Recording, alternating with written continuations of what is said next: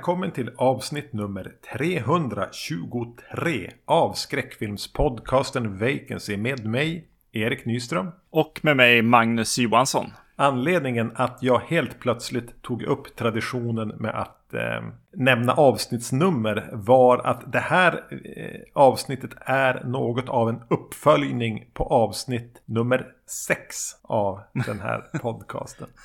ja, Så alltså okej. för 317 avsnitt sedan Ja. så pratade vi då om Omen 2 och Exorcisten 3. Just det. Så eh, för att spegla det avsnittet nu några av hundra avsnitt senare så ska vi då alltså såklart prata om vad? Eh, The Exorcist 2, The Heretic från 1977 och Omen 3, The Final Conflict från 1981. Det här har varit så OCD-avsnitt för mig i så, så många år. ja, yes.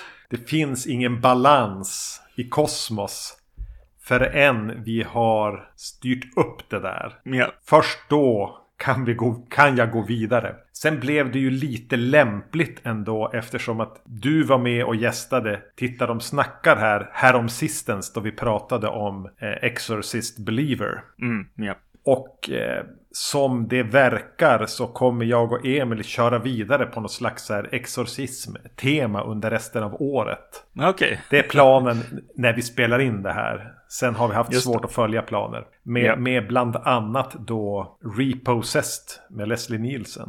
Ja, yes. Och lite annat smått och gott. Det. Eh, men som sagt var, äntligen får jag katarsis. Äntligen får jag känna mig hel igen. Mm. För första gången sedan 2012. Genom att korrigera det här. Eh, just det. Och eh, om jag inte minns helt fel eh, så var väl tanken lite grann då att eh, vi skulle prata om de bra uppföljarna och sedan följa upp dem med de dåliga uppföljarna. Ja, något sånt. Så vi får väl se här vad vi, vad vi faktiskt tycker om de här eh, i, i allmänna ögon eh, skitfilmerna. Ja. Ja. Ehm, om jag ska försöka blicka tillbaka på då det här avsnittet som spelades in för väldigt, väldigt, väldigt länge sedan. Så Ja. vet ju jag vad jag tycker om Exorcisten 3. Jag tror inte jag har sett den sedan dess. Just det. Den gillar jag. Det är en bra film. Ja. Men jag har ingen aning om vad jag tyckte om, om Omen 2. Nej, just det. Nej, Har du några minnen av vad du tyckte om den? Eller vad vi kan ha sagt i, i det avsnittet? Nej, det har jag faktiskt inte. Exorcisten 3 eh, fick ju en revival där. Och jag tror att jag har sett den efter det också. Ja. Den är ju riktigt bra, eh, skulle jag säga. Men jag minns att jag tror att du hade så här, ja men den här, den här Omen-filmen är ju faktiskt en bra uppföljare. Mm. Jag, tror tror att det var jag, jag, jag tror att det var min ingång. Att Exakt. Den är inte Ja. sämre än första. Nej, just det. Nej, just det. Så. Eh, men alltså hur många olika glas sprit har du framför dig? Ja, jag har bara, bara två. en en eh, grogg och en whisky. Ja. Så det... Jag har bara sett olika färger Yes. på väts eh, vätskan i glaset dyka upp nu här på, på eh, Skype. Yes. Eh, men det enda jag minns nu från Omen 2 det är att det är någonting med en landsväg och typ en korp. Just det. Mm. Och att eh, Damien fortfarande är en liten pojke. Och de här sju knivarna är med i någon avseende. Mm. Ja. Mm, men för att då kanske fokusera på vad vi har framför oss här. Så Mm. börjar vi väl ändå med Exorcisten 2. Precis. Eh, hade du sett den tidigare? Nej, det, här- det här är faktiskt något jag har gått och hållit på lite grann. Ja. Att så här bara, ja, eh, den har jag ju tänkt att jag ska se. Mm. Säkert köpt ett par gånger också. men eh, aldrig riktigt eh, eh, tagit mig för. För jag har ju hört att den är så himla dålig. Ja. Eh, det är väl det, det stora som man känner till om den här. Och att eh, var liksom, ja, Linda Blair eh, är med och bara eh, jag vandrar runt i någon konstig drömvärld. Jag fick en sån känsla av vad det skulle vara, Ja. liksom att det skulle vara väldigt psykedeliskt och, och liksom mycket mycket liksom ute och sväva i lite drogland eh, på något sätt eh, till film. Du var inte helt snett ute. Nej, exakt. Nej, nej, nej, det var jag inte. Men den var ju väldigt mycket mer tillbakahållad än vad jag trodde. Ja. Mm. Eh, jag hade sett den här en gång tidigare. Jag tror att det här var i samband med att jag började bygga upp min DVD-samling. Alltså mm. vi pratade 20 plus år sedan att jag såg den då bara för att ha sett den. Det enda jag mindes var typ en, är det en syrsa fly, som flyger? Just det. Och James Earl Jones. Och att Linda Blair var med. Men jag mindes ja. egentligen ingenting. Ja. Men, men ja, den är ju ansedd som en av världens sämsta filmer. Förmodligen världens sämsta uppföljare åtminstone. Ja. Eh, den är ju då regisserad av John Borman. Mm. Som ju i mitt huvud kanske får en något högre status än han ska ha. Framförallt då för att han har gjort Deliverance. Som jag håller som ett mästerverk. Ja, precis. Utan att ha sett ja. om på väldigt, väldigt länge då. Men jag håller den väldigt, väldigt högt. Precis. Han, han är ju som... Eh, i, I mitt huvud så sätter jag in han i samma fack som... Eh, vad heter de? Eh, vad heter han som gjorde ko, Konan? Eh, Gud, jag glömmer bort vad han hette. Ja, ja, men eh, de här lite så här manliga mansregissörerna liksom. Ja. Just det, vad heter han? Inte Deliverance, utan Southern Comfort. Vem är det som har gjort den då? Oh, Gud. Jo, men jag har det på... Han, han, skrev Alien. Och han gjorde... Vi har, gjort ett, vi har gjort ett avsnitt med tre av hans filmer. Ja, precis. Han är också den där. Lite ja. hårdkokt liksom. Ja, vi måste kolla upp namnet på honom här innan vi, innan vi kan gå vidare. Eh, Just det, det då kollar jag Konan, regissören Ja, då kollar jag Southern Comfort här. Då. Det eh, gick sådär att stava alltså. Pinigt. Ja, just det. John eh, Milius var han jag tänkte på med konan. Och eh, Walter Hill såklart. Ja, såklart. Ja. Den här lite hårdkokta. Han har gjort eh, den här John, John Borman har ju också gjort eh, en av de här Sword, liksom, Sorcery-filmerna, Excalibur. Mm. och Point Blank. Ja, just också. det. Med, med han. Vi ska sluta minnas namn. Japp. eh, ja, jag vet inte riktigt vad jag har sorterat in John Borman. Men han är ju engelsman framförallt. Eller om man är här walesare eller kanske irländare eller någonting. Till skillnad från de här uppkavlade skjortor, breda underarmarna, karakararna. Walter mm. Hill-gänget. Eh, så jag tror inte jag är beredd att sortera in John Borman där. Tänker att han, han har lite lättare att prata om känslor. Ja, kanske lite. ja, jo. Nej, men så är det nog. Han kan sina barns födelsedatum. Just det, yep. nej, nej, men ja, regisserad John Borman. Vi kommer återvända dit. Måste, vi måste prata om Deliverance någon gång. Sardos mm. känns det som att jag vill in i. Ja, han har även gjort den här eh, Hell in the Pacific.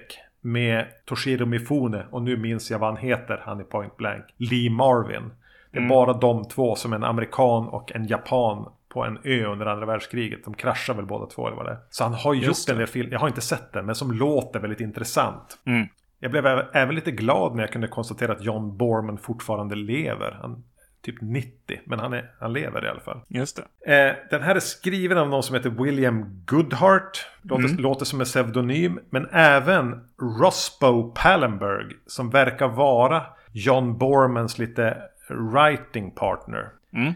Eh, han har skrivit några av hans filmer eller varit med och skrivit dem. Men ändå värt att nämna här att han har faktiskt regisserat en film som vi har pratat om här på Vacancy. Okej. Okay. Ja, och jag skulle kunna ge dig hundra gissningar och du skulle aldrig nå dit. Nej. Men han regisserade Cutting Class. Eh, Slasherfilmen ah. med Brad Pitt. Just det, ja. Av någon anledning. Just det. Så eh, Exorcist 2, The Heretic, tar vid några år efter händelserna i den första filmen och följer då Reagan. Som vid det här laget eh, har flyttat iväg för att gå någon, eh, flyttat hemifrån för att gå en på något sätt dansskola. Och verkar väl vara i sena tonåren. Mm. Mamma är utskriven ur filmen eh, eftersom hon har flyttat hemifrån. Ja. Hon går i någon slags terapi mm. utifrån att kanske en aning om att, att Pazuzu inte riktigt har lämnat henne. Eller att det hon var med i egentligen var en psykos. Psykisk ohälsa som inte är färdigbearbetad. Mm. Hennes vägar korsas även med en präst som ska utreda dödsfallet på Father Merrin i Mm. första filmen. Med hjälp av eh, lagom flummiga 70-tals hypnosexperiment så börjar det hända lite märkliga saker. Och en besatt pojke i Afrika blandas in i mixen. Syrsor, speglar, hypnos. Ja. I någonting som är lite sådär behagligt 70-talsflummigt. Japp. Men får jag bara direkt från start fråga dig.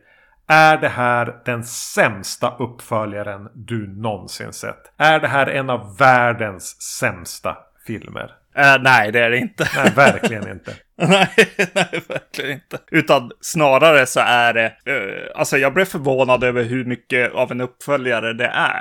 Det, Ja. var, det var min, min största liksom så här, alla ingredienser där, personer från, från förra filmen försöker de få in igen, eh, bara berätta vidare i princip och, eh, och de vet liksom lite grann vart de vill eh, hamna på något sätt. alltså de, de, vill, de, de vill ta med eh, nästan alla aspekter från, från första filmen. Och det, det förvånar mig lite. Jag, jag, jag trodde att den skulle vara eh, mycket flummigare än så. Och bara råka ha med eh, de här skådespelarna på något sätt. Men eh, ja, nej, nej, inte alls eh, den, den sämsta uppföljaren. Utan bara en uppföljare på ett sätt.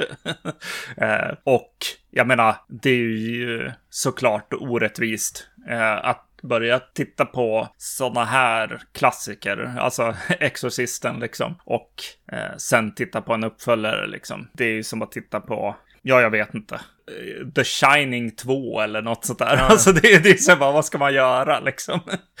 det är inte, inte lätt. Jag tänkte innan vi fortsätter prata om den bara bjuda på eh, lite pausunderhållning i form av vad William Friedkin tyckte när han hade sett japp. eh, Exorcisten 2. Ja. Uh, and I looked at half an hour of it and I thought it was as bad as seeing a traffic accident in the street. It was horrible. It's just stupid. It's just a stupid mess made by a dump guy, Sir John Borman by name. Somebody who should be nameless, but in case should be named. Scurrilous. A horrible picture. Fri- Friedkin later stated that this sequel diminished the value of the original and called it one of the worst film I've ever seen. That film was made by a demented mind. Ja. Men är det någonting vi vet om Friedkin så är det bara att han gillar att bara spinna på det han själv säger just då. Och det kan jag känna Exakt. igen mig lite grann i. Jag kan bara Ja. fara iväg att det blir lite hög på, på, mina egna rants. Just det. Jo, jag har lyssnade på en intervju där han hela tiden tyckte att han var fyndig när han kallade den för The Harry Tick. Eh, och sa det flera gånger också. bara, nu var jag fyndig va. Nej, men han går ju på de här rantsen och eh, jag tänker lite grann att så här, ja, om man är ett fan av första filmen och därmed kanske, eller av andra anledningar William Friedkin, så, så ställer man sig ju lätt bakom eh, hans påstående om den här filmen. Men tillbaka till den, så som du säger, den, den gör ju ett ärligt försök att ta ut en riktning från första och ja, men, koppla in en präst ska utreda Father Marins död. De har fått med Max von Sydow. Mm. Som ju på något vis, på samma sätt som Christian Bale kan gå upp och ner i vikt. Så kan Max von Sydow bli äldre och yngre i ålder. ja, ja, För han är ju med i scener här som utspelar sig i någon slags dåtid före händelserna i Exorcisten. Och då säger väl John Borman, du kan du tänka dig att yngra, eh, bli 20 år yngre? Absolut, säger Max Ja. von Sydow och gör det. det. Det är jättemärkligt att se honom så ung. Och då var jag ändå tvungen att kolla upp hur gammal Max von Sydow var när han gjorde den här. För ja, han är ju gammelsminkad i, i eh, originalet. Vilket Ja. kanske lurar en. Men han började ändå dra mot 50.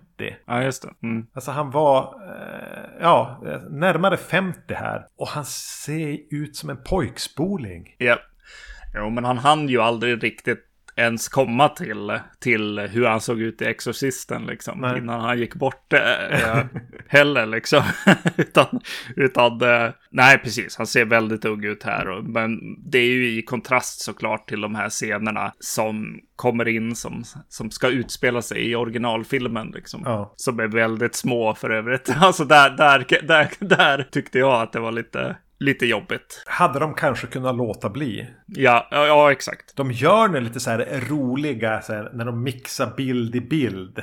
Just det, jo det är en cool, cool öppning till ingång till, till det. Ja. När, man, när man scenerna speglas i ett fönster liksom. Men sen så dyker de in där och har en halv säng och, och ligga i. Och det, nej, det, det är inte Linda Blair i Maken heller. Så här. nej, Det känns väldigt fattigt. jo.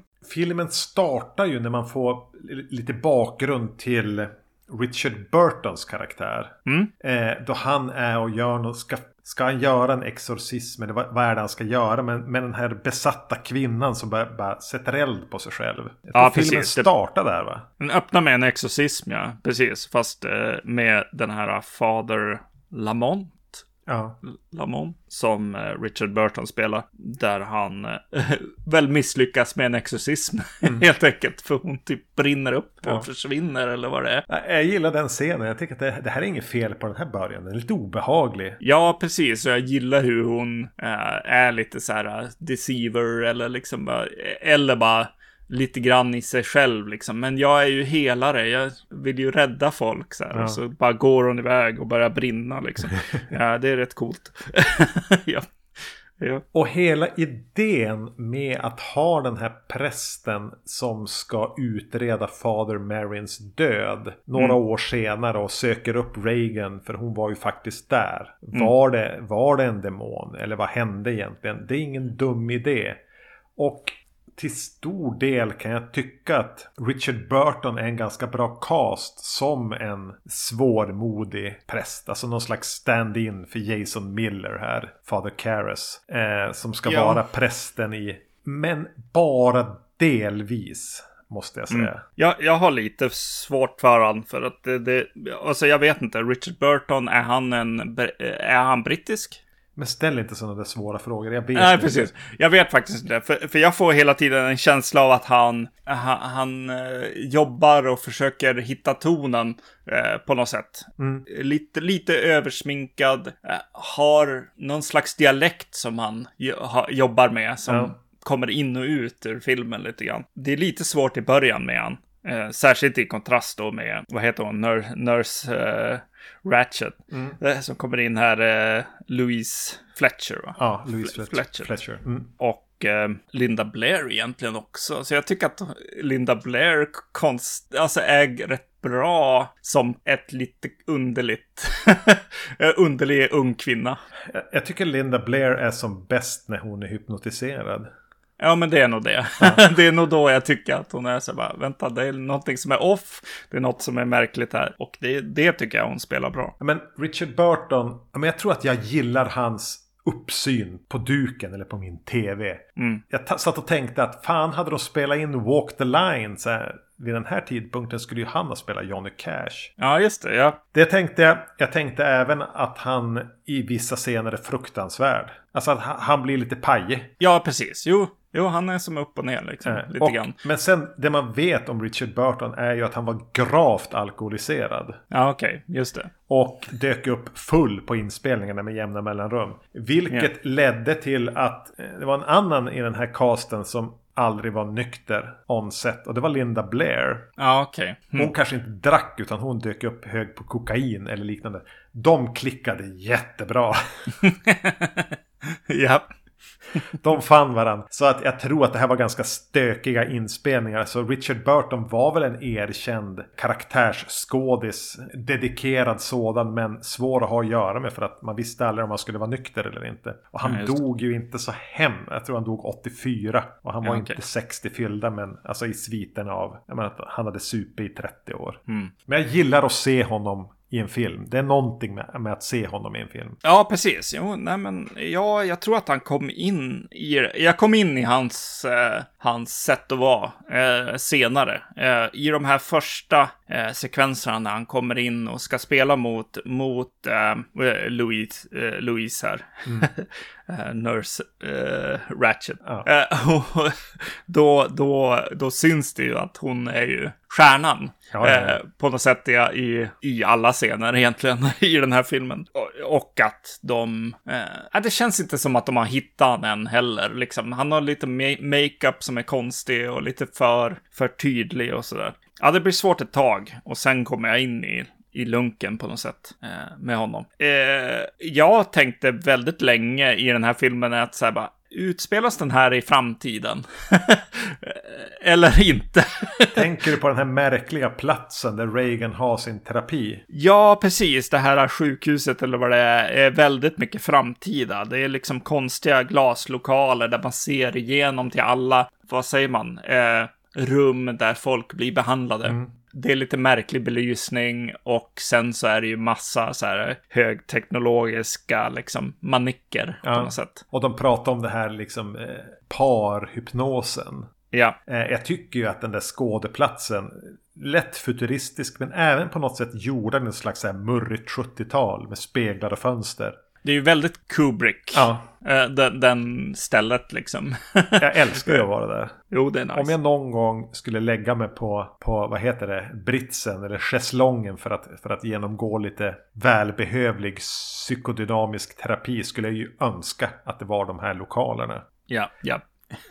Eh, men även Reagan bor ju i någon ganska lyxig våning. Just det, exakt. Jo. Eh, och även den är ju lite, ja men du sa det, Kubrick. Ja. Hon är ute på, på balkongen som ju verkar vara otroligt farlig att vara på. ja. De var slarvar med dem och satt räcke. Men även där dyker det upp speglar. Ja, precis. Jo, jo men allting är ju speglar egentligen. Golvet och vad det, väggen. Det är ju fönster, tror jag, men det är mest bara metallspeglar liksom. Ja. Eh, och så sen eh, alla räckena och, och så. Och så sen så är ju, det bor duvor där. Mm. Ja, och de har ett litet eh, duvbo. Och det är ju så här futuristiskt byggt med spegelytor också. Som ett konstverk på något sätt. Jag undrar om de på något vis vill bara signalera att Reagan kommer från pengar. Eller om den, ja. om den vill vara lite ja, trippig, så här futurist-trippig. Ja, precis. svårt att jo. säga. Nej. Men samtidigt är det ju någon som säger i den, undrar om det är eh, Louise Fletchers karaktär, att verkligheten är en projektion av ditt medvetande. Mm. Och att den är ju mycket det med hypnos och det speglar att den är och grottar runt i någon slags grumliga vatten med, med psykoanalys. Ja. Finns en Spasuso. Ja, exakt. Jo, jo helt klart. Och där, där, där är väl egentligen det, alltså det är ju en bra ingång kanske. Det är rätt bra att fundera på. Är det så här psykologiskt eller är det, eh, eller är det något som faktiskt är demon? Är det en demon eller? Eh, det är liksom, lite det stället att spela, utspela filmen med de frågorna. Ja. Det är ju rätt schysst. Eh, jag får lite problem där i filmen att så här, det de faktiskt hakar på för att göra den här uppföljaren med alla, alla aspekter som vi har sett i första filmen. Där är mitt största problem tror jag är att det känns som en film som vill fortsätta där någonting redan är klart. Eh, det, det känns som att ja. alltså hela rädda Reagan historien som liksom börjar eh, skapas här, den känns inte så eh, grundad på något sätt. Det känns inte som att hon är i fara. Det är alla andra som tror det. exakt, exakt. Ja. Det, det, det, är, det är kanske eh, religionen eller liksom eh, science som är i fara. det, det är inte hon. Hon har hittat ut ur sin eventuella psykos eller sitt, eh, sin possession och alla vill gräva och vill eh, själva att hon ska komma tillbaks till det på något sätt. Eh, det, det, det, är en liten konstig syn, alltså det är en liten konstig dynamik på något sätt i, i filmen där. Om man verkligen vill kan man ju se det som någon slags metakommentar om att jo men alla vi vill tittarna vill att Reagan ska vara besatt igen. Just det. Mm.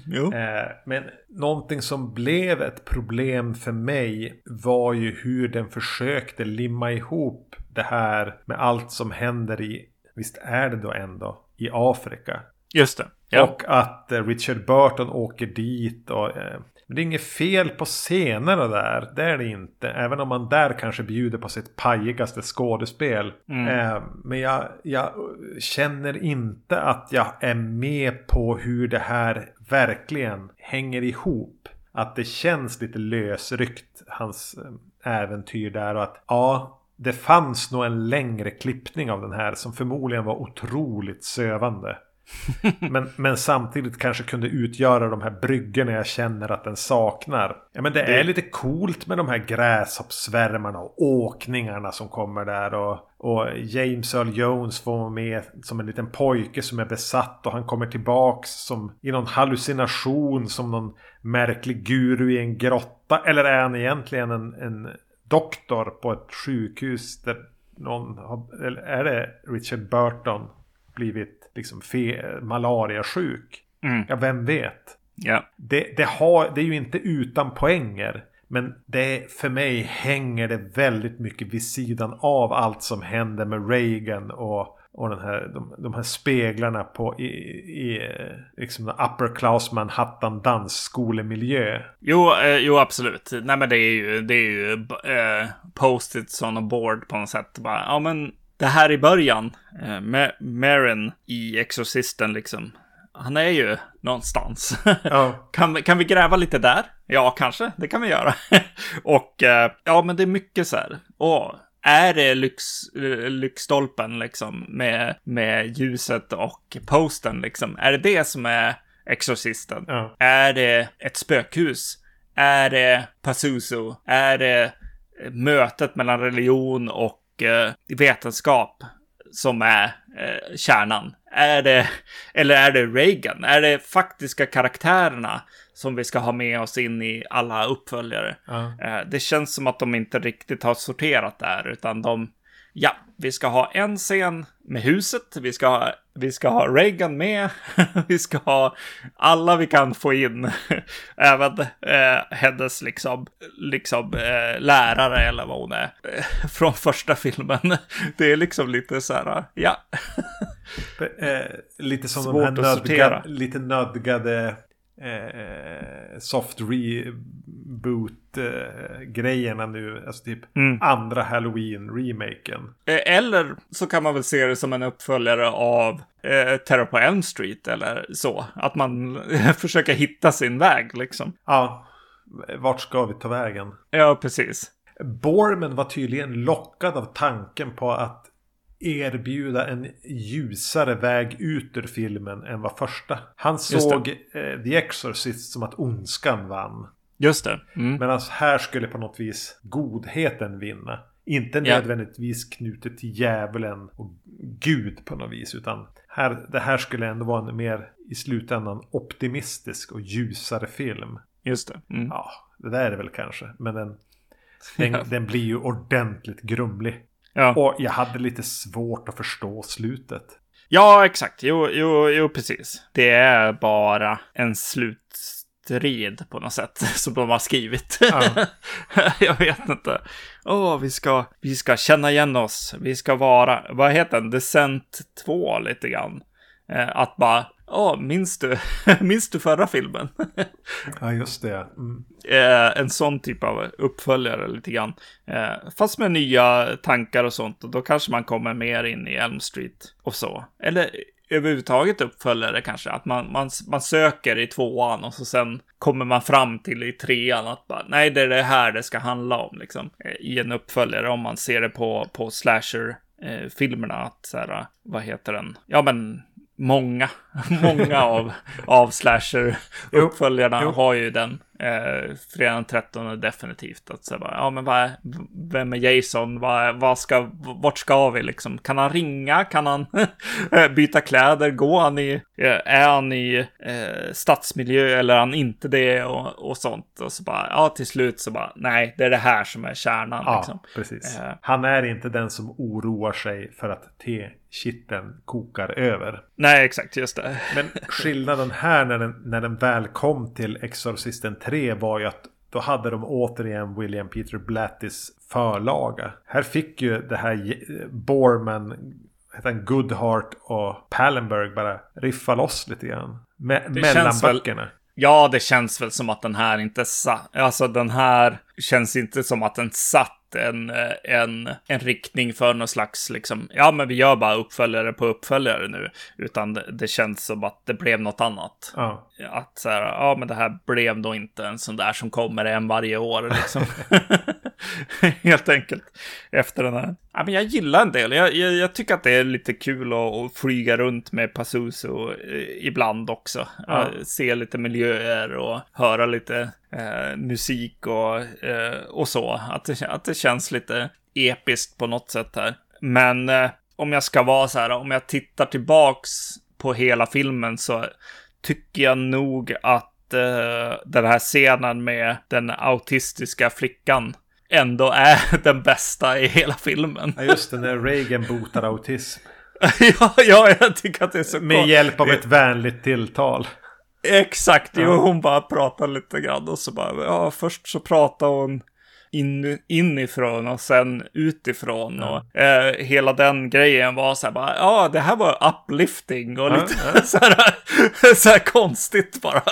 Och, och det var någonting med deras eh, skådespel mellan varandra. Och så sen när när det kommer in mer folk. Eh, det var någonting som bara blev Just så här mm. glädje på något sätt helt plötsligt i filmen. och så sen tillbaks till, till det här lite röriga. Att gräva runt i gamla, eh, gamla murriga vatten. Nej men Nej, den, det är klart att den är underskattad. Men det är fortfarande ingen bra film. Men gott Nej. och väl någonting man borde se Eh, om man är intresserad av skräckfilm. Eh, och jag trivs bra när den är i de här Kubrick-miljöerna. Ja. På mottagningen här eller vad det nu är. På, ja. I Reagans våning och på balkongen. När de har de här ganska coola bild-i-bild-grejerna med hypnosen. Mm. Och även precis som du säger när vi, får, när vi ska ut och flyga med Pazuzu. Ja. Men det, det, är ganska mycket som inte fungerar däremellan. Nej, jag skulle vilja ha det ännu konstigare. Eh, och så skulle jag nog vilja, det är väl där kanske William Friedkins liksom on location eh, grej saknas. Alltså att, att eh, Afrika-grejen är ju byggd precis som den här Kubrick. alltså det, det är byggt på en soundstage ja. och, och, det är en lampa som är solen. Eh, det, det är inte jättebra där. Framförallt när jag just har så här. Jag tog mig an och se Exorcisten igen, men mm. kom inte så långt. Jag bara somnade. Eh, nej, jag somnade inte. Jag blev bara väldigt trött. Så jag bara, nej, men jag ser början. Och, och öppningssekvenserna där är ju som, precis som det som jag hyllade i eh, Sorcerer det är autentiskt. Det är, mm. han, han springer runt i faktiska utgrävningar. Hur fan gör man det på film egentligen? det är som att de bara var i en utgrävning helt plötsligt. Eller har de faktiskt byggt allt det här? Alltså man vet inte. Det är, det är storslaget på ett helt annat sätt. Eller har Friedkin mutat, hotat och lurat ah, folk exakt. att få vara med på en utgrävning någonstans? Ja, ja. Men nej, lite underskattad, men inte så underskattad att man, man vill springa runt och försöka hylla upp den. Nej, det är ju en skräckfilmsuppföljare. Ja. Det var det som slog mig mest. Att så här bara, vadå? Så dumt kan det inte vara. Jag, jag måste hylla, hy, hylla en grej dock. en till. Autistiska tjejen. Och så sen slutet tyckte jag var ganska snyggt. När vad det, uh, Nurse Ratchet står i, uh, ute på gatan. Och så sen ser man det här blinkande ljuset i ansiktet från den här hypnosmaskinen. Ja. Som absolut inte är där. Utan den bara påminner oss om den. Uh, det tyckte jag var en snygg slutbild. Uh, en, en lite genomtänkt så här bara. Uh, vart är vi någonstans? Vad händer? Är vi bara under hypnos? Mm. Exakt, exakt. det, det, det tyckte jag var ett rätt snyggt an, använt trick där. Mm. Vet du, vi ska strax prata om Omen the Final Conflict. Men jag tänkte att jag skulle ska hämta en till öl. Ja.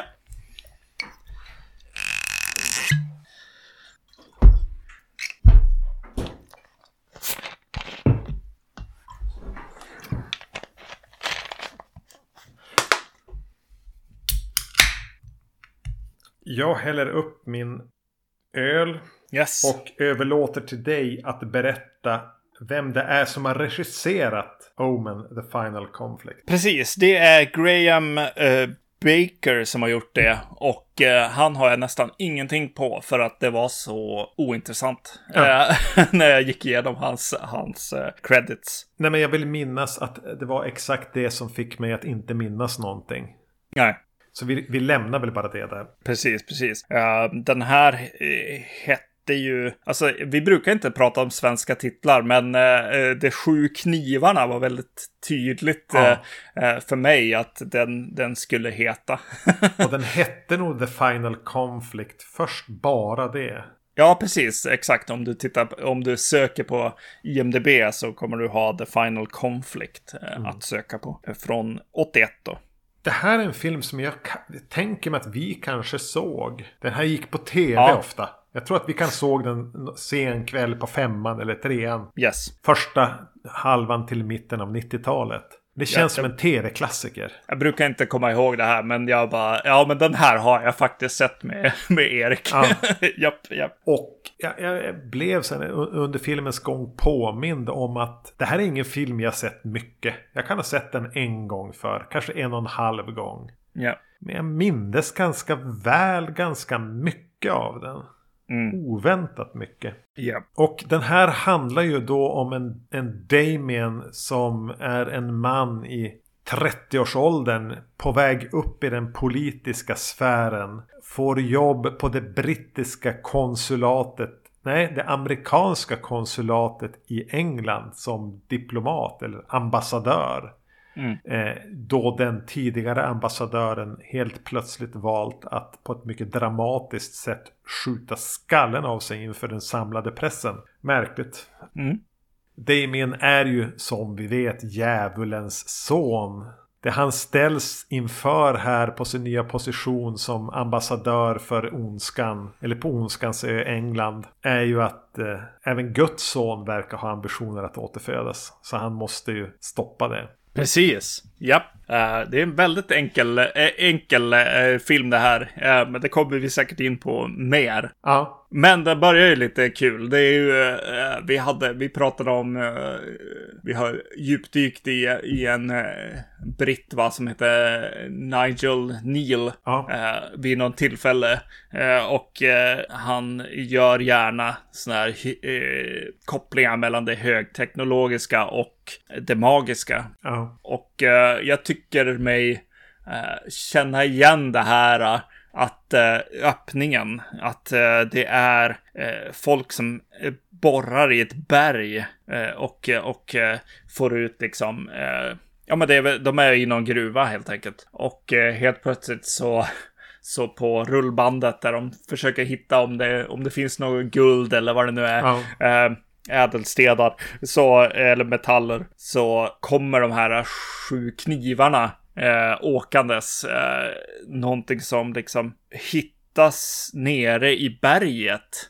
Eh, som är man-made på något sätt. Mm. Och liksom eh, Eh, nästan magiskt hamnat i bergen. Eh, det är väldigt fantasy. Eh, för mig, det är väldigt mycket, mycket lore på något sätt. Det, det, det, det är rätt, rätt episkt eh, här. Jag gillar ju hela det här konceptet med sju knivar. Ja. ja. Och jag vet att de är i tvåan eller är i ettan, jag minns inte, när de förklarar hur de ska användas. Att den första kniven den utsläcker det jordiska livet och sen är det som en, en ritual och då mm. är det ju så makabert i och med att de pratar om att det är en liten, liten pojke de ska sticka ihjäl med de här knivarna. Yeah. Det känns lite lättare att behöva sticka ihjäl Sam Neill med dem. Men jag gillar det konceptet med den idén och att det presenteras med de här högljudda omenkörerna. Det känns det känns katolska kyrkan knakar och djävulen är där och det är så jävla allvarligt hela tiden. Det är mycket episkt och eh, det är coolt med den här körmusiken medan, eh, som är, spelas medan eh, knivarna byter ägare och reser över hela världen och, och så. Mm. Man, man, får en liten känsla av att eh, de här knivarna är Hellraiser-lådan på något sätt. det, det, det, är väldigt, väldigt storslaget.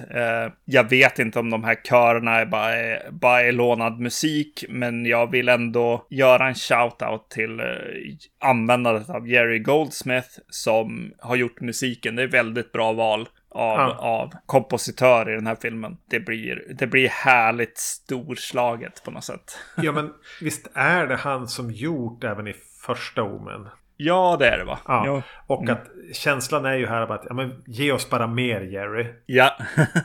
Eh, riff, riffa på det du gjorde.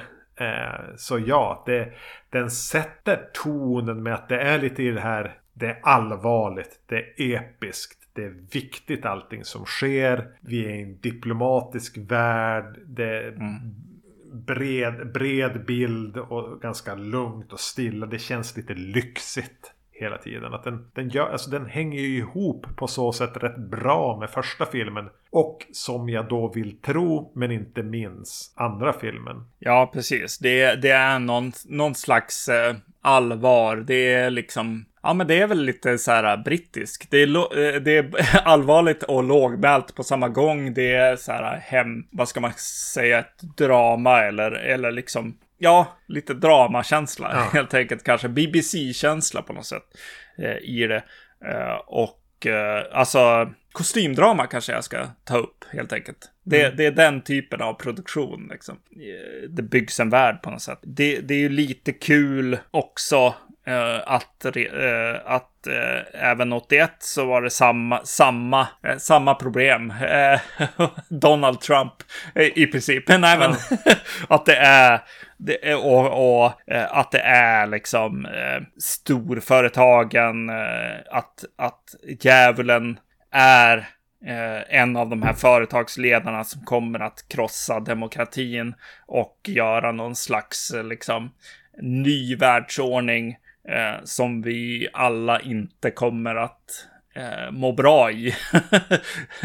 och och eh, Damien Thorn här i företaget Thorn eh, är eh, väldigt eh, ondskefullt och man kan inte låta bli att se den här filmen och tänka på, på de här företagsledarna av social media-grejer och Amazon och allt det liksom. Att så här, ja, här, här händer det ja. på något sätt. Och hur lätt uh, man bara glider in och blir politiker tack vare de, de uh, kontakter man har. Att det finns på något vis ett, en given ordning in i det. Precis, och, och allting är, ja precis, det är bara pengar liksom. Och makt. Och pengar är makt. Men vad tycker du då om Sam Neill som Damien? Det här var ändå Sam Neill innan han hade breakat. Det var innan Ivanhoe. Samma år som Possession. Så han hade mm. ett rätt bra 1981 på ett sätt. Ja, Ja, han har, han har ju... Eh, Sam Neill är ju typ det läskigaste som min fru vet. att om han dyker upp så kommer det bli jätteotrevligt. Han vill, hon vill knappt se han. Har det här att göra med, med den där rymdfilmen? Ja, precis. Jo, det är ju mest den. Ja. Fan vad jag inte kan komma ihåg vad någonting heter ikväll. Nej, nej, det var väldigt svårt. Då borde ni se uh, The Dish. Ah, okay. Tidigt 2000-tal. Ja. Jättemysig film. Han är världens varmaste farbror. Det är ju det som jag tycker är charmigt med han. Alltså att eh, för, för min del så är han ju så här shit alltså. Han kan, han kan vara den ondaste eh, någonsin, men han kan också vara väldigt mysig som i Jurassic Park är ju inte en film där, där man känner något slags hot från honom. Nej, han känns ganska, ganska trygg där va? Mm. Eh, precis, så att eh, det är ju en bra, bra skådespelare. Eh, han har färgat håret här för att se ut lite som pojken. Ja. Jag har lite svårt i början för han att, att det är mer yta än vad det är liksom djup på något sätt. Och det kanske faktiskt går igenom hela filmen i slutändan. Ja, men hur mycket finns det att jobba med då? Det är ju det som är grejen. Ja, han är djävulens son och han vill ondska. Japp. Det finns ju inga konflikter inom honom. Det finns egentligen inte någon annan. Han är ju på något vis då en högre ond krafts schackpjäs som bara plöjs fram. Ja, ja. Vilket ju på något vis blir hela den här film... Ja, när den här kommer är det ju den avslutande delen på en trilogi. Ja. Att alla körer och all ton och all setting är så allvarstyngd och episk. Men i slutändan handlar det om typ en snubbe. Ja, som, som känns... Lite grann så känns det inte som att han har en, eh, ett riktigt egen motivation eller liksom Nej. något driv, utan eh, han är en schackpjäs och bara, ja men nu måste jag göra det här, nu måste det här hända, nu måste det här hända. Ja men eh, vad vill det... du då? Exakt. Ja. Man vill som ha scenen när någon bara försöker att övertala honom att Men var det egentligen inte så att du ville ju Du, du ville ju spela i ett skaband. Ja exakt. Jo, jo det var ju det jag ville egentligen. Ja, alltså, fan nu, nu säger du något om en djävulens son. Jo, men det är ju Rosemary's Baby för fan. Det är ju en av de filmerna va? Ja, eh, uppföljaren. Ja, exakt. Uppföljaren som är mer bara woo! Han vill... här är Det är djävulens son. Japp. Inte den här Med... jävla schackpjäsen utan egen vilja. Eh, exakt. Som bara följer ett, ett, ett givet skript. Eh, exakt, just det. Japp. Vad roligt. Nej, men eh, precis. Det, det, det, det, blir lite, lite jobbigt. Om jag kan prata om det nu och sen kanske vi kan komma tillbaka till sedan. Eh, jag tycker att, att hela den här liksom episka grejen, det sås en massa grejer, men egentligen är bara filmen handlar bara om att säga bara, ja men Guds son ska födas, det finns en massa knivar, jag får inte dö och eh, jag måste stoppa djävulens son. Mm. Och sen är det en massa dialog emellan eh, som känns som riktiga dramascener. Alla spelar bra, alla, alla har liksom eh, den här dialogen, men det finns ett, en tomhet i ah. vad va, va som faktiskt är viktigt. på jo, något sätt. de står ju bara och spelar upp någonting. Ja. ja. Eh, det, det, är någon Kasperteater. Ja. Men, men om du så backa eller blunda med ena ögat eller vad, vad som nu krävs. Så tittar du bara på, på det det är så är det ju. Men då kan man ju förföras av den här allvarliga, lyxiga, mm. episka känslan. För den är ju genomgående rätt välspelad. Jag ja. tycker att den här assistenten som Damien har. Mm. Spelad av någon Don Gordon. Vilket otroligt lättförglömligt namn. Mm. Han är skitbra. Ja. Eh, och han får ju som någonting att brottas med också eftersom han har, trots att han är typ drar mot 60, så yeah. har han en ny, nyfödd son där hemma. Så, så, så lämpligt eller olämpligt med tanke på att Damien vill döda alla som är födda mellan vissa datum. Ja. Eh, Jo, han är ju den som får någon typ av urgency eller liksom ja. någon, någon slags eh, eh, motivation eller vad man ska säga. Character arc kanske. Ja. Eh, han tyckte jag var för mig höjdpunkten med filmen. Ja, jo. Någonting som hände mig dock. mm. och det, det, det, här är väl, eh, precis, jag, jag, kan säga summeringen lite grann. Det, det, det är en film lite grann som eh, Susperia. Inte för att den här är lika bra som Susperia, men det är en film som Susperia i det att det är mycket yta, det är mycket musiken, det är mycket klipp, det är mycket hur den är gjord, eh, som är det som driver en en framåt. Det är, I det här fallet är det ju också bra skådespeleri. Men ja. det, det, det, eh, väldigt mysig film att titta på. Det är det som får mig att ta mig igenom och vara med hela tiden. Till exempel för, eh, när den här ambassadören som, ska, som han ska ta platsen från ja. eh, är ute och går och eh, träffar eh, en hund i mm. parken mm. i princip. Eh, den här demonhunden på något sätt, eller djävulshunden. En rottweiler. Precis. Uh, det känns för mig väldigt, väldigt, alltså det påminner mig väldigt starkt om riktigt bra giallo eh, film. Mm, mm. När, man, när man är ute och vandrar med folk och, och, och väljer rätt klipp, rätt musik. Den känns även lite blow-up kanske i den se sekvensen. Det metodiska. Eh, precis. Det känns lite italienskt. Den är ju brittisk. eh, så eh, det, det, finns något europeiskt där som är, som ja, är eh, snyggt som jag gillar väldigt mycket. Eh, den här filmen också, jag, jag brukar inte tänka på så här, åh, vad, vilka linser och sånt använder de liksom. Men det är väldigt snygga miljöer och jag tänkte på just den där sekvensen och sen någon annan är faktiskt ute och går i stadsmiljö och då är det just den här snygga miljöerna, kameravinklarna och så är det det här, vad heter det, teleobjektiv eller så, där, där bakgrunden och karaktärer och sånt trycks ihop lite grann ja, och, ja. och, möts och blir liksom väldigt nära allting. Och det, det tycker jag är jättesnyggt med den här och eh, även liksom allt det beigea och det återhållsamma grö, gröna och så vidare liksom grönskan. Det är en väldigt snygg film. Det är ju som att det finns en så här omen Ja. Eh, vad fan ska man säga? Palett eller så här check pieces. Det ska kännas lyxigt. Det ska kännas stillsamt. Mm. Lite episkt. Det ska vara det här allvaret att det faktiskt är djävulen utan att det är en demon som vi någonsin får se. Ja. Att man har sina givna grejer att spela med här och, och kanske håller det i tre filmer. Men spelar de här omen-ackorden Mm. Låt det kännas lyxigt. Så glömmer vi att vi tittar ju inte på någonting här.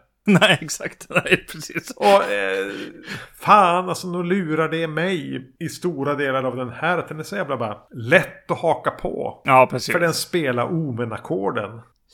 Och då ska jag inte säga att, att jag är ett stort Omen-fan. Alltså det är väl... Eh, Nej. Eh, eh. Men, men just den här körerna. Det episka. Djävulen eh, kommer med med de små... Eh, att, att han är där och småskruvar i allt som händer så kommer han att ta sin plats på jorden med mm. hjälp av sin son. Men det är ju, alltså det är ju fan inte tre filmer att titta på. Det, det, är, det är ju inte ens en. Men ja, det är tilltalande. Ja. Ja, men det är det. Allt. Eh, skådespeleriet, scenografin, dialoger, filmat. Det är förmodligen okej okay skrivna dialoger. Ah. Jag, jag, tycker att han orerar lite väl mycket kanske från Bibel och så vidare. Men sen handlar det bara om sju, sju dolkar, Satans såd versus präster och Guds son. det, det, är ju väldigt roligt. Det är som att det är Warlock eh, ah. vi tittar på, fast i ett äh, äh, BBC-drama på något sätt. Ja, men någon som inte är beredd att erkänna hur corny det är. Nej, exakt. Utan faktiskt är beredd att hävda någon slags katolskt allvar här. Japp, japp. Ja, men egentligen är ju det här en fantasyfilm, va? Nej. Ni måste förstå att det här är på största allvar. Yep. Jag mindes två saker från den här av att ha sett den tidigare. Dels mm. intervjun här när han är i tv-studion. När någon är och springer uppe på och ska döda han från... Ja. Jag, vet, jag vet inte vad planen var. Nej. Det är det jag minns. Att Damien är i en tv-intervju och att någon försöker mörda honom där. Mm. Det är ingen dum iscensatt scen. Förutom att den är dum. Den är, den är Giallo-dum. Ja. eh, ja, ja. det, det mindes jag att jag mindes från den. Sen är det den här lilla scenen, strykjärnsscenen, som är, faktiskt är lite, lite hemsk. Med, med redan nämnde assistenten här, spelad av Don Gordon. Som har fått ett barn. Som då djävulen Damien Manus förmår att döda sin son med hjälp av ett strykjärn. Man får aldrig se det, men man får se hennes vision. Just mm. det här papier-maché, gråbrända versionen av ett spädbarn som vänder sig mot henne. Jag bara Oj vad jag kände igen det när jag såg det. Ja. Det, det gjorde ändå en impact på mig på något vis. Mm. Att det är så tydligt, men det där är ju inget verkligt. Nej. Men det har någonting. Jo, eh, jo absolut. Eh, jag tycker att den tar konstiga vändningar liksom. Den, alltså, jag menar det är ju, den håller sig ju från eh, barn, eh, barnmorden, liksom bebismord. Men den, den tar ändå den. det är bara, ja, vi ska, eh, vi ska ha liksom massmörda massa bebisar i ett collage här. Ja. Det är lite, alltså jag smågillar ju tv-reportaget som kommer efter också. Så bara, vänta, det händer någonting här. Det är någonting som händer. De får inte riktigt tag i det, men det är en rätt rolig, eh, rolig vinkel. Men sen, ja, det där bebis, eh, bebismordet som är lite mer inzoomat och liksom som, som vi ligger, ligger kvar i lite, lite grann Ja. där. Eh, som du pratar om. Eh, ja, det tar det ju känslomässigt åt, åt ett lite jobbigare håll. Det gör inte det så grafiskt, eller vad man ska säga. Det gör ju dock det känns som att eh, den har lite svårt med så här, okej, bebisgrejen, det är skitstort, uh, jättejobbigt, eh, men vi visar inget och vi, Nej, nej. vi försöker hålla det lite så här, åh shit, det här är läskigt, tänk på det själv, eh, inte eh, visa det. Medan sen, sen tycker jag att den är lite underlig i en scen och det är en sexscen här eh, Ja. mellan, mellan eh, Da- Damien och en reporter som... Eh, Ja, att han, bara parentes. Att han inleder en relation med någon. Just det, precis. Jo, han blir Ja, lite värt att hänga upp ett antal frågetecken runt det. Ja. Men ja, just för jag skulle säga det. Det andra jag mindes från den var Ja. den sexscenen. Precis. Som ju övergår i, i våldtäkt helt enkelt. Ja. Eh, känns lite plötsligt, oväntat. Eh, det är någonting från en annan film lite. Eh, jag, ble, jag, jag tänkte så här, oj vilken obehaglig vändning. Jag hade inte väntat mig liksom någonting som Lars von Trier hade gjort i någon film om en antikrist liksom. Nej, Utan, utan helt plötsligt så bara händer det. Och det kändes lite obehagligt. Och sen blir det kyligt igen på något sätt. Att så här bara, ja men filmskaparna tar inte riktigt ansvar heller. men utan det- det är bara, ja, det fortsätter bara som vanligt. men ni vet det var ju djävulens son så att. ja, exakt. Ja, är lite märkligt. Eller inte bra helt enkelt. Det är en scen innan den scenen. När Damien är uppe på sitt. Typ, Han har typ inrett vinden som stället där han klär av sig naken och pratar med ett krucifix.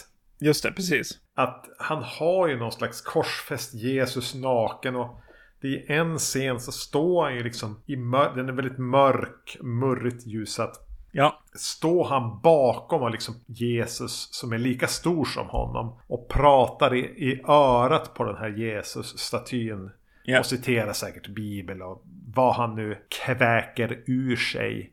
Mm. Men, men känslan är liksom samtidigt lite grann att han våldtar Jesus. precis. Eh, och det återspeglas ju på något vis i den här som börjar som en sexscen. Ja. Men sen blir han lite för hårdhänt och till slut så vänder han på henne. Ja. Precis våldtar även henne då liksom på samma sätt som han våldtog den här Jesus-grejen. precis. Jo, Att, att det är någonting så bara okej den här vill den koppla ihop någonting med så här bakifrån det är djävulen. ja exakt. Ja, Eh, precis som Damien våldtog krucifixet så våldtar han nu ja precis. den här märkliga, märkliga kärleksrelationen som ju Ja. egentligen bara ska mynna ut i att han får en, han blir en fadersgestalt i sitt så här, Ja. hit, hans son blir någon slags Hitlerjugend. En jätteunderutvecklad subplot. Eh, Ja, som precis. inte mynnar ut i någonting. Ja, sodomi. Det är liksom... Ja. det är någon slags eh, synd här fortfar- eh, fortfarande. eh, 81 här. Mm, Ja. Japp. Eh, djävulens verk. Djävulens verk och han får en bonusson som han får förleda. Just det. Jag tyckte det var intressant. Eh, eh, eller inte intressant. Jag bara tänkte på. Jag, jag fick en till Hellraiser-referens eh, när han faktiskt ligger och sover i, ett, i, i Franks rum. Eh, naken på golvet. Eh, och hon kommer in och, och tittar till han på något sätt och ser att han har det här. Eh, tatueringen, eller inte tatueringen, utan födelsemärket. Eh, det, det, påminner mig väldigt mycket om Hellraiser också. Har du någon gång somnat sådär? Uh... Naken på ett trägolv i fosterställning. Nej, men faktiskt på ett golv en gång, ja. Ja, det har jag också gjort. ja, precis. Ja. Men du har, det finns anledningar till det. Ja, ja precis, exakt. jag säger det också. Nej, men det är just någonting så bara otroligt iscensatt att han lämnar kvinnan han just förgripit sig på promenerar upp på vinden spritt språngandes naken. Mm. Eventuellt har han haft ytterligare en någon så här rapey dialog med Jesus innan han lägger sig i fosterställning på golvet. Mm. Och vadå sover? Men han sover ju inte utan han, han bjuder oss på lite shifty eyes innan hon har lämnat rummet också. Det blir, det, det, den tangerar något parodiskt där också. Visst gör den det? Jo, precis. Men det är ju del av hela filmens innehåll på något sätt. Superallvaret. Eh, ja. Köper du inte det så är det bitvis fnissigt. Ja, precis. Exakt. Eller hon går upp och lyckas på något vis direkt hitta den här födelsemärket också. Ja. Det är där det är. Mm. Ja, men får jag bara säga då det mm. att hela slutstriden i de här eh, ruinerna är ju bedrövlig. ja, ja. Jo, det, det, är, det är som Suspiria. Det, det är så bara, oj, vi har, vi har gjort lite intressant här på vägen, men nu är det lite bråttom här. nu måste vi bara avsluta det här på något sätt. Ja. Och på, på ett ganska storslaget men lite lökigt sätt. Ja. ja. ja. ja. Jo, herre Jesus. ja. Eller The Nazarene. Ja, precis. också heter. Ja. Nej, men det är så här äh, visuellt storslaget och sagan och musiken. Det, det, är, det är någonting som är charmigt med det. Också kanske det här, ja det är löjligt slutet. Men det ska ju vara så här på något sätt. Fick, ja. Får jag känsla, liksom så här. Men, men eh, Suspiria slutar med någon slags leende av att så här, ja visst var det lite dumt det här. Ja. och eh, den här gör inte det. Utan den här tar det på fullaste allvar i slutändan. Ja men exakt, den dunkar upp några bibelcitat också. Ja, ett par. Ja.